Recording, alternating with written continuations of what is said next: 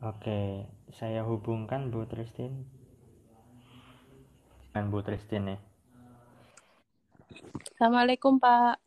Waalaikumsalam Bu Tristin. Ya, bentar bentar. Ini saya tuh nggak punya holder, jadi miring-miring pakai buku sebentar Pak. Oh gitu. Oke oke. Iya, jadi saya ikut kelasnya yang getaran rezeki sama Mhm. yang AKR. Nah, terus terang dari dua kelas itu untuk saya nih ya, untuk saya itu yang Mhm. paling berkesan itu yang kelas AKR. Hmm, iya, Nah, iya, itu iya. masih yang bulan pertama sih ini, yang memaafkan diri itu loh Pak. Oh iya, berarti Bu yang ikut yang akad 17 ya Bu ya? Ya, saya 17. Oh iya. ah, Saya mm. 17. Ya, waktu itu saya daftarnya juga agak mepet. Saya itu kan maju mundur kan mau ikut mau ikut kelasnya Pak Salam itu. Maju mundurnya itu kan karena apa sih namanya? Pertama eh, dari segi waktu. Saya ini kan selalu ngikutinnya itu selalu terlambat karena kan aktivitas saya pagi. Saya baru bisa ngikutin biasanya bisa. Nah, terus dari itu Hmm. em, apa sih namanya? Kalau dari kelas itu terus terang tuh saya seneng vibrasinya. Kebetulan memang sebelum Hmm. kelasnya Pak Salam itu eh, saya sendiri itu kan juga orangnya senang belajar kan Pak. Jadi buat saya Mhm. sih dalam hal ini kita tuh bisa belajar dari siapa saja. Jadi saya pernah belajar juga dari Pak Wong yang kebetulan eh, kayaknya sih metodenya mirip-mirip tapi Mhm. dari kelasnya Pak Salam ini kayak apa ya kayak mengingatkan lagi PR besarnya kita tuh sebenarnya adalah memaafkan diri itu buat saya itu sangat mengena kadang-kadang kan misalnya kita tuh ada masalah Mhm. nggak usah ngomong kita saya aja saya kalau kita tuh kan Mhm. kayaknya saya menyamaratakan semuanya Ya. sama kayak Oke. saya jadi saya saya aja misalnya Hmm. kalau ada masalah tuh awal kali dihantam itu yang saya tunjuk keluar itu orang gitu loh pasti Iya, orang itu udah ah. begini begini begini. Nah waktu ada materi yang memaafkan diri itu saya jadi ingat oh ya dulu kan aku pernah belajar ini. Tapi lupa Hmm. sudah lama nggak pernah saya praktekkan karena kan apa namanya eh, awal kali saya belajar ilmu tentang manifestasi itu kan awalnya itu adalah untuk menemukan diri sendiri. Jadi saya kira sih ilmu tentang manifestasi itu sudah selesai terus sudah terus saya melanjutkan belajar ilmu-ilmu yang lain belajar ilmu healing belajar dengan Hmm. energi belajar dengan kristal belajar healing dengan suara banyak hal seperti itu terus Hmm. tiba-tiba saya sa- saat ini itu dihadapkan dengan masalah yang cukup pelik cukup besar yang mau tidak mau itu kayak saya tuh dalam tanda petik itu kayak dipaksa membuka ulang catatan saya yang lama-lama. Hmm. membuka ulang catatan saya yang lama-lama dan eh, posisinya saat ini tuh eh, gimana ya? Em, saya itu agak sulit percaya dengan orang lagi karena saya barusan ditipu orang barusan ditipu baru Hmm. dimanfaatkan. Jadi nggak mudah. Tapi kan terus akhirnya membuat saya itu untuk bicara aja sulit. Tapi waktu yang di kelas AKR itu yang pertamanya itu kan ada memaafkan diri sendiri ya akhirnya eh, saya beberapa waktu itu saya melakukan itu ya sekarang saya sudah agak agak lebih bisa legowo, bisa nerima ya Hmm. sudah memang ini perjalanan saya seperti ini tapi itu juga tidak mudah. Saya akui itu Iya. sangat-sangat nggak mudah karena apa ya eh, kadang kalau misalnya terpicu terpancing loh dulu dia waktu sulit yang nolongin saya sekarang saya ada sulit ke mana orang-orang itu Mm-mm. pada hilang semua terus itu iya. apa- akhirnya saya tuh seolah seperti kayak ini ya apa eh, ngabsen loh ini dulu tak tolongin ini ini dulu sulit tak tolongin ini lah sekarang saya kesulitan yang benar-benar istilahnya kalau saya mem- membuat ibarat itu saya tuh seperti kayak dikejar Fir'aun depan itu laut merah saya nggak tahu harus gimana buntu Iya, iya. mau ngomong nggak bisa nih nggak bisa tapi terus akhirnya eh, apa namanya yang dari kelas itu yang apa namanya eh, memaafkan diri sendiri itu membuat saya lebih apa ya lebih lebih bisa legowo lebih bisa menerima ya Hmm. sudah orang itu juga punya pilihan saya mau baiknya kayak apa belum tentu orang itu memang baik sama sebaik saya ke Mm-mm. baik orang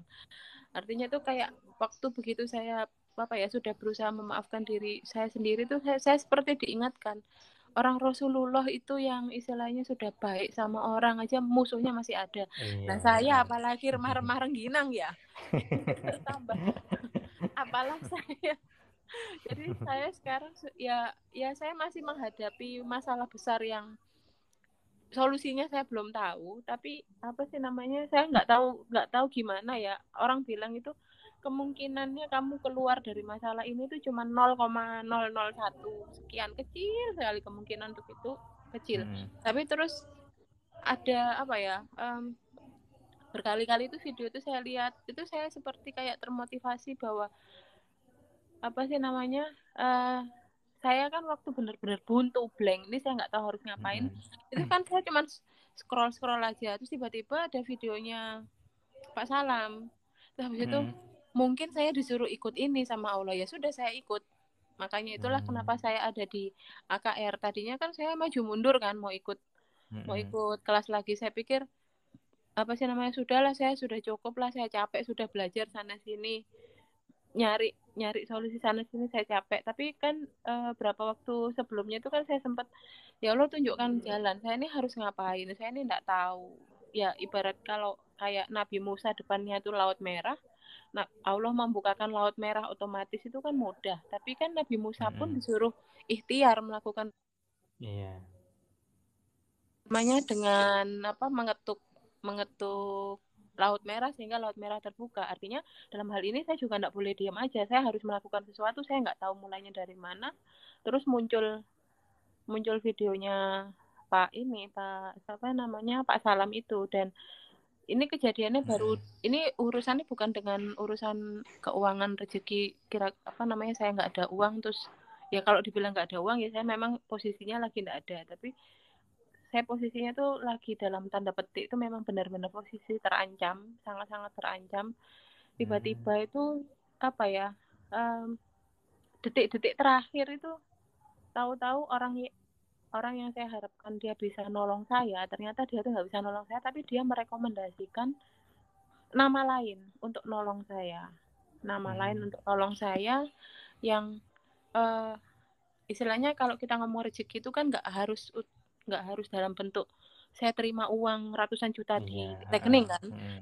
nah mm. itu yang apa sih namanya uh, saya sendiri juga nggak tahu ya duitnya tuh mau bayar dia dari mana tapi sampai saat ini tuh saya konsultasi tanya-tanya sama dia apa segala macam itu dia bukain jalan malah saya dikasih dikasih tahu nanti kalau ngadepin ini apa namanya uh, ibu bikin surat modelnya begini begini begini dan alhamdulillah alhamdulillah sampai detik ini tidak terjadi apa-apa. Itu hmm. itu alhamdulillah banget untuk saya. Tidak harus hmm. selalu tuh kan dalam bentuk uang ya pak ya? Hmm, betul, jadi betul. ya itu sih kalau kalau sayanya sendiri ya. Tapi memang dalam perjalanannya um, mengelola pikiran dan mengelola perasaan itu bukan bukan hal yang mudah. Benar-benar bukan hal yang mudah. Kadang kita sudah kadang kita sudah ngerasa enak tenang tapi tiba-tiba bocor dari luar terus habis itu apa apa pikirannya kita sendiri yang rame. Itu memang hmm. memang nggak mudah dan meletakkan keyakinan apa ya 100 persennya ke Allah itu memang itu juga PR iya iya gitu sih Pak Salam. Kalau dari saya tuh kemarin apa yang ya dalam seminggu ini tuh mungkin kalau dikatakan uh, melakukan afirmasi lewat tulisan, scripting itu juga saya lakukan. Terus habis itu hmm. ya semua pelajaran yang saya pernah pernah dapat itu saya lakukan. Semua saya lakukan. Hmm. Nah, namanya ikhtiar saya kan tidak tahu ya. Kayak misalnya kita kita berobat itu kan tidak tahu tuh solusi itu datangnya dari mana. Ini kan hmm. materi bulan keduanya Bapak itu kan yang Ho'oponopono itu saya sebenarnya kebetulan saya sudah paham juga yang itu itu ya saya lakukan juga. Jadi memaafkan dirinya saya lakukan hoponopono saya lakukan scripting saya lakukan. Semua ikhtiar itu saya apa namanya saya maksimalkan. Cuman yang kemarin itu untuk saya itu yang apa ya yang untuk saya sendiri tuh cukup-cukup hmm. terharu itu ya tiba-tiba di detik-detik terakhir orang yang saya kiranya akan nolong saya tiba-tiba dia nggak bisa karena dia isoman dan saya sendiri dengan posisi uh, secara fisik tuh sangat-sangat terancam teran benar-benar terancam fisik itu apa hmm. rezeki macam-macam rezeki uang itu yang paling rendah yang paling tinggi kan rezeki kesehatan yang di tengah-tengahnya itu hmm. antaranya itu kan ada keamanan nah tiba-tiba hmm. itu saya dikenalkan dengan orang ini dan dia itu memberi saya gambaran sekarang ibu tuh ngalami A B C D E gini gini gini. Jadi ibu tuh harus alternatifnya apa? Itu tuh saya jadi kayak apa ya namanya saya belum tahu ke depannya gimana tapi apa ya hati kecil saya bilang saya yakin Allah tuh nolong saya. Cuman memang mungkin ini perjalanan yang harus saya lewati itu. Hmm. gitu sih pak. Hmm. nggak tahu ya sudah benar atau belum saya. Saya juga masih belajar nih pak ya berarti Bu Tristin ini sudah sebenarnya sudah pakar juga ya belajarnya ke mana-mana macam-macam gitu kan saya sih sebenarnya ya. dikatakan belajar itu memang karena apa ya untuk saya sendiri secara pribadi itu tidak ada yang namanya guru, tidak ada yang namanya murid. Semua orang bisa jadi guru, semua orang bisa mm -hmm. jadi murid. Dalam hal ini menurut saya ya, menurut saya. Yeah, jadi yeah. saya tidak suka dibilang pakar, guru, saya nggak suka. Kita sama-sama belajar.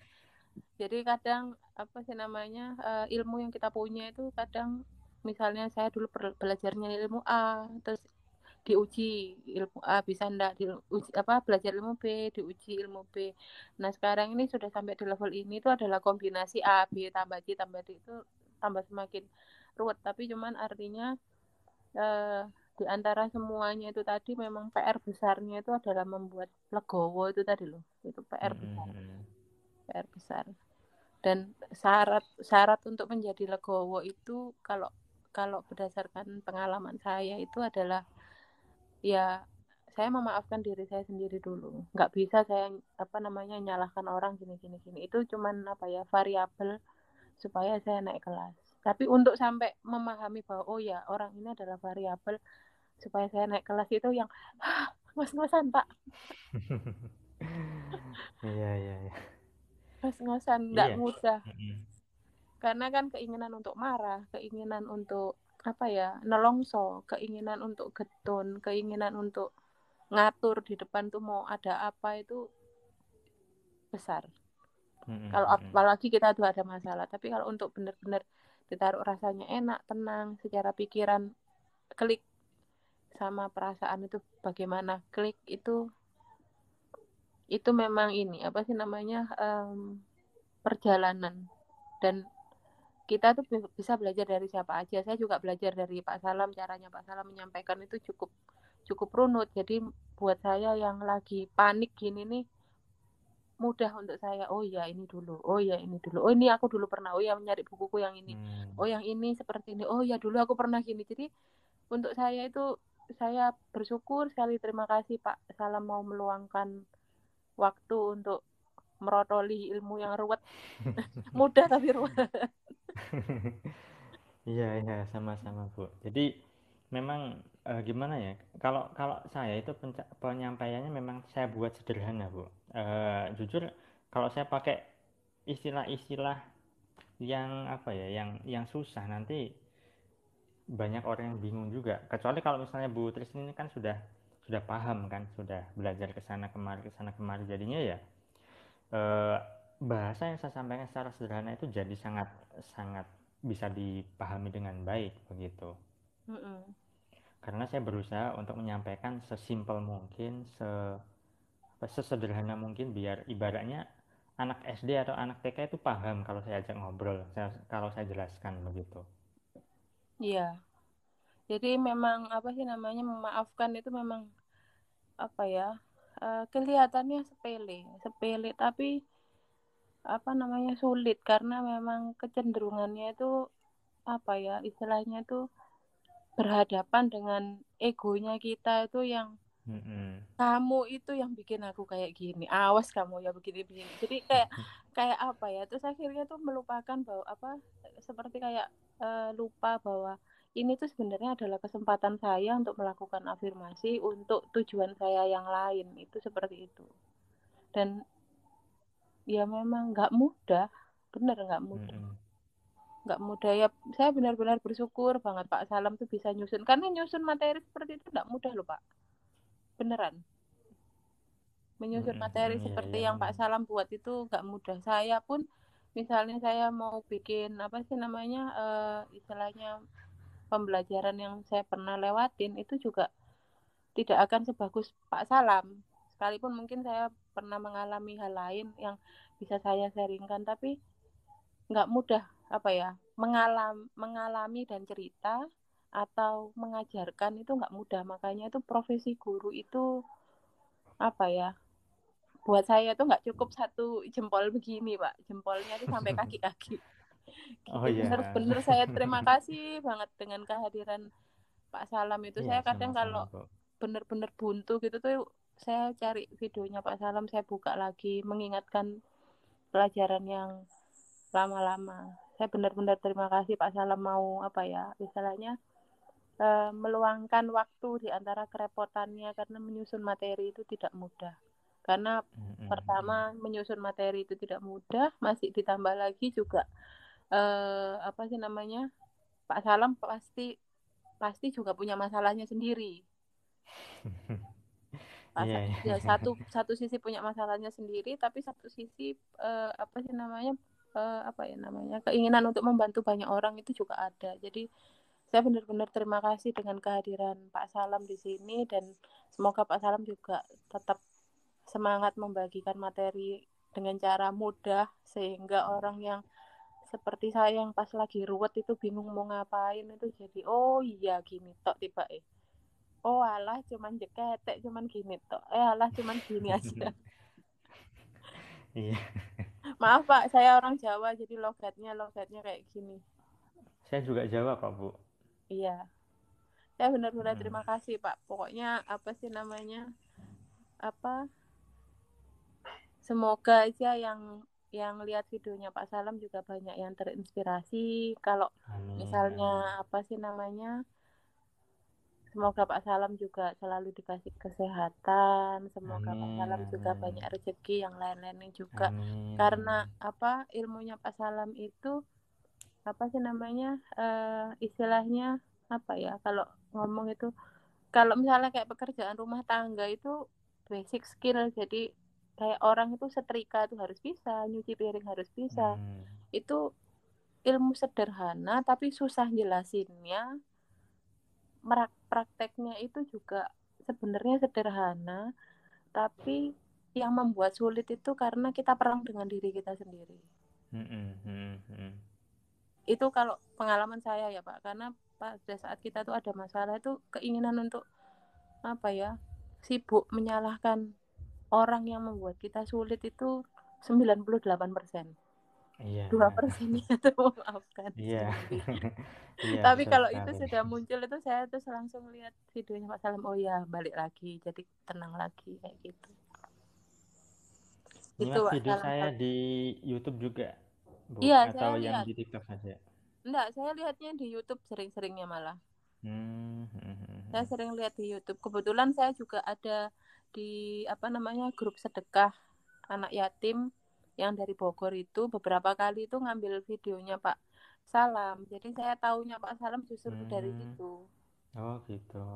Iya, Hmm. jadi eh, apa sih namanya istilahnya gurunya di sana itu kan em, mengajarkan orang untuk banyak sedekah.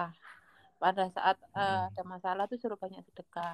Nah, tapi terus kan ada yang biasanya itu kan ada yang apa istilahnya bahasanya itu komplain ke gurunya, Pak, saya ini sudah sedekah segini segini segini, kok enggak terkabul dan bla bla bla gitu. Lah gurunya tuh capek jelaskan, akhirnya dia sering ngeluarin videonya Pak Salam Hmm. gitu loh. Iya, Jadi dan iya. nggak cuman dari grup itu aja juga ada apa namanya kayak grup grup eh, ini loh apa Asmaul Husna seperti itu sering Hmm. ada videonya Pak Salam juga dibagikan. Jadi untuk untuk orang yang yang lagi ada masalah ruwet apa segala macam nggak bisa mikir yang ruwet-ruwet itu videonya Pak Salam itu sangat sangat membantu. Oh gitu ya, Bu ya. Mm-mm. Penjelasannya enak, sederhana. Akhirnya tuh ujung-ujungnya setelah ngeliat sekali, dua kali, oh alah cuman gini aja. Tapi yang dikatakan oh alah cuman gini aja itu aplikasinya juga ya ya enggak semudah oh alah gini aja. Mm-mm. Memang harus Mm-mm. apa ya, harus sering di didengarkan harus sering didengarkan gitu sih pak itu kalau dari saya semoga ini juga tetap menginspirasi Pak Salam untuk semangat membuat banyak video amin amin amin amin amin gitu amin. Pak saya terima Ya. kasih banyak Iya, terima kasih kembali ya Bu Tristin ya atas waktunya.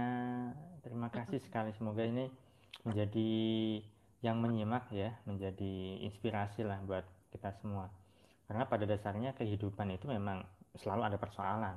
Ya, tinggal kita mengelola pikiran dan perasaan kita itu untuk bisa tetap stay netral, tidak ibaratnya tidak gampang untuk terpancing emosinya, ya ketika terpancing emosi kembali lagi terpancing emosi kembali lagi sehingga kita benar-benar bisa mengendalikan kehidupan ini begitu Iya. artinya mengendalikan kehidupan ya.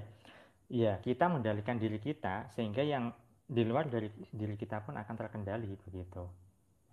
Mm-mm. karena saat kita mau mengendalikan apa-apa di luar diri kita kita akan capek. Karena kita tidak bisa mengendalikan apa yang di luar dari diri kita. Yang bisa kita kendalikan hanya tiga kan? Yang pertama adalah pikiran kita yang kedua adalah perasaan kita dan yang ketiga adalah tubuh fisik kita. Itu saja. Kita tidak bisa mengendalikan pasangan kita anak kita harus nurut ke, uh, sama kita. Kita tidak bisa mengendalikan murid-murid kita harus mematuhi kita dan sebagainya. Nah kalau misalnya diri kita terkendali ya insya Allah di luar pun akan terkendali. Begitu. Mm-mm. terima kasih ada banyak loh Pak sampaikan Bu nggak ada sih Pak. Saya cuman apa namanya ini pas mumpung tadi mau ini apa namanya biasanya kalau sore itu kan saya uh, menyempatkan untuk scripting atau apa untuk Mm-mm. menyelesaikan diri saya sendiri. Ini tadi kok tiba-tiba saya lihat bapak live lah. Sementara kalau di grup itu kan menjawab jawab itu kan lebih lama. Apa maksudnya uh, saya tipik uh, cara belajar saya itu dengan audio bukan dengan visual membaca tulisan. Saya dengan mendengarkan. oh, iya, iya. Hmm, hmm, hmm. jadi kebetulan tadi bapak live terus saya ini apa namanya saya biasanya jarang sekali buka HP itu jarang. Kebetulan HP-nya sendiri itu juga rusak. Jadi ya Hmm, dilalah kok ini tadi pas bisa. Gitu. Hmm, berarti se eh, se- sebuah keberuntungan ya Bu ya. Sudah ada frekuensinya begitu kan? Iya alhamdulillah. Gitu sih Pak. Ya mudah-mudahan aja semua urusannya dimudahkan. Ya Iya, proses amin, belajar amin. sih sampai mati nanti sih Pak. Saya ya Mm-mm, apa ya mm-mm. yang paling sulit itu memang eh apa ya pada saat kita dapat masalah itu yang paling sulit itu kalau orang Jawa bilang ya wes sembuh karepmu itu yang paling sulit Iya, iya. Hmm, paling sulit apa tuh bahasa Jawanya tuh? Eh bahasa Indonesianya ya ya wes sembuh karepmu. Jadi eh, mengembalikan diri untuk fokus ke perbaikan diri semaksimal mungkin yang ada di luar ya wes sembuh karepmu.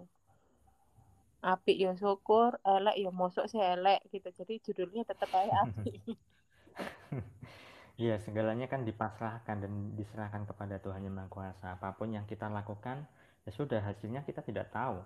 Kalau kita masih mikir-mikir, nanti gimana ya hasilnya sesuai tidak ya? Ah, nanti kalau begini gimana ya? Itu berarti belum pasrah, kan belum berserah. Maka itu yang menjadi uh, pikiran ruwet, yang menjadi apa namanya? tapi tips untuk bikin pikiran nggak rame itu lain eh, menurut Pak Salam apa kalau saya sih sementara ini buat pikiran nggak rame itu saya nulis sampai capek tapi mungkin Pak Salam Hmm. bisa membagikan tips supaya pikiran nggak rame itu apa ya Pak Oke, kalau sa- cara saya sederhana Bu, amati keluar masuknya nafas oh itu dan aja dirasakan. Mm-mm. Karena apa namanya, kalau misalnya kita mengamati, ya masuk nafas diamati, keluar nafas diamati sambil kalau misal mau berafirmasi silahkan. Eh, ketika mau eh, ketika hirup nafas itu mengambil energi positif, mengeluarkan nafas, membuang energi negatif atau membuang sampah-sampah hal-hal yang tidak memberdayakan dalam diri kita. Dan cukup disadari saja nafas kita. Itu adalah termasuk malah ketiduran saya tuh Pak kalau kayak gitu tuh dalam posisi duduk bisa tidur seperti itu, Bu. bisa bisa Oh gitu. Nah, itu kan itu bisa itu kan termasuk salah satu cara tercepat untuk mengkondisikan gelombang otak kita ke alfa. Hmm. Ketika orang mau tidur, ya kan ngantuk-ngantuk itu kan gelombang otak itu alfa, sehingga mudah untuk untuk dimasuki sugesti kan begitu. Hmm. Iya, kak. Yang terakhir-terakhir ini kayak gitu tuh juga saya lakukan lagi sebelum tidur. Ya, jadi artinya tuh masalah yang saya punya sekarang itu sama seperti benar-benar apa ya, mengingatkan saya dengan semua pelajaran yang saya pernah pelajarin yang ujung-ujungnya itu eh alah ini toh yang aku lupa belum tak kerjakan itu ternyata tuh ada di ilmunya Pak Salam. Lupa yeah. saya iya. beneran lupa. Yang satu ini lupa lupa beneran gitu sih pak itu dari saya aja nggak ada lagi hmm. nanti ya, ya, ya, ya. terima kasih sekali bu eh, iya, uh, Christine pak. atas uh, waktunya untuk berbagi sama teman-teman di sini yang menyimak uh, saya rasa banyak sekali ilmu yang didapatkan dari sharing-sharing ini juga kan sehingga yang menyimak juga bisa mendapatkan atau mengambil apa yang uh, disampaikan oleh Bu Tristin tadi. Baik Bu, terima kasih atas Sama, waktunya. Pak. Ya. Saya doakan agar selalu dimudahkan segalanya, sehat selalu dan diberi kebahagiaan serta keberlimpahan dalam mengarungi kehidupan ini ya Bu ya. Amin. Begitu juga dengan Bapak sama yang ada di live ini. Mudah-mudahan semuanya juga mengalami hal yang sama. Amin, gitu. amin, amin. Makasih Baik, Pak Pareng dulu. Iya, sama-sama. Assalamualaikum. Waalaikumsalam warahmatullahi wabarakatuh.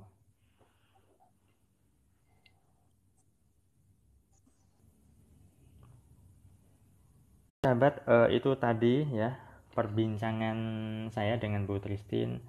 Saya rasa banyak sekali yang bisa diambil ya uh, ilmunya ya. Nah, Oke, Bu Ernawati keren nih. Eh, komentar nih, keren Bu Tristin, saya juga udah mengalami juga seperti Ibu. Semangat memaafkan diri sendiri. Oke. Baik sahabat, saya rasa itu saja dulu untuk live saya kali ini. Saya doakan agar hidup Anda berlimpah, agar Anda dimudahkan rezekinya, dan agar Anda digampangkan segala hasil serta urusan Anda. Terima kasih sahabat. Sampai jumpa di live berikutnya. Assalamualaikum warahmatullahi wabarakatuh.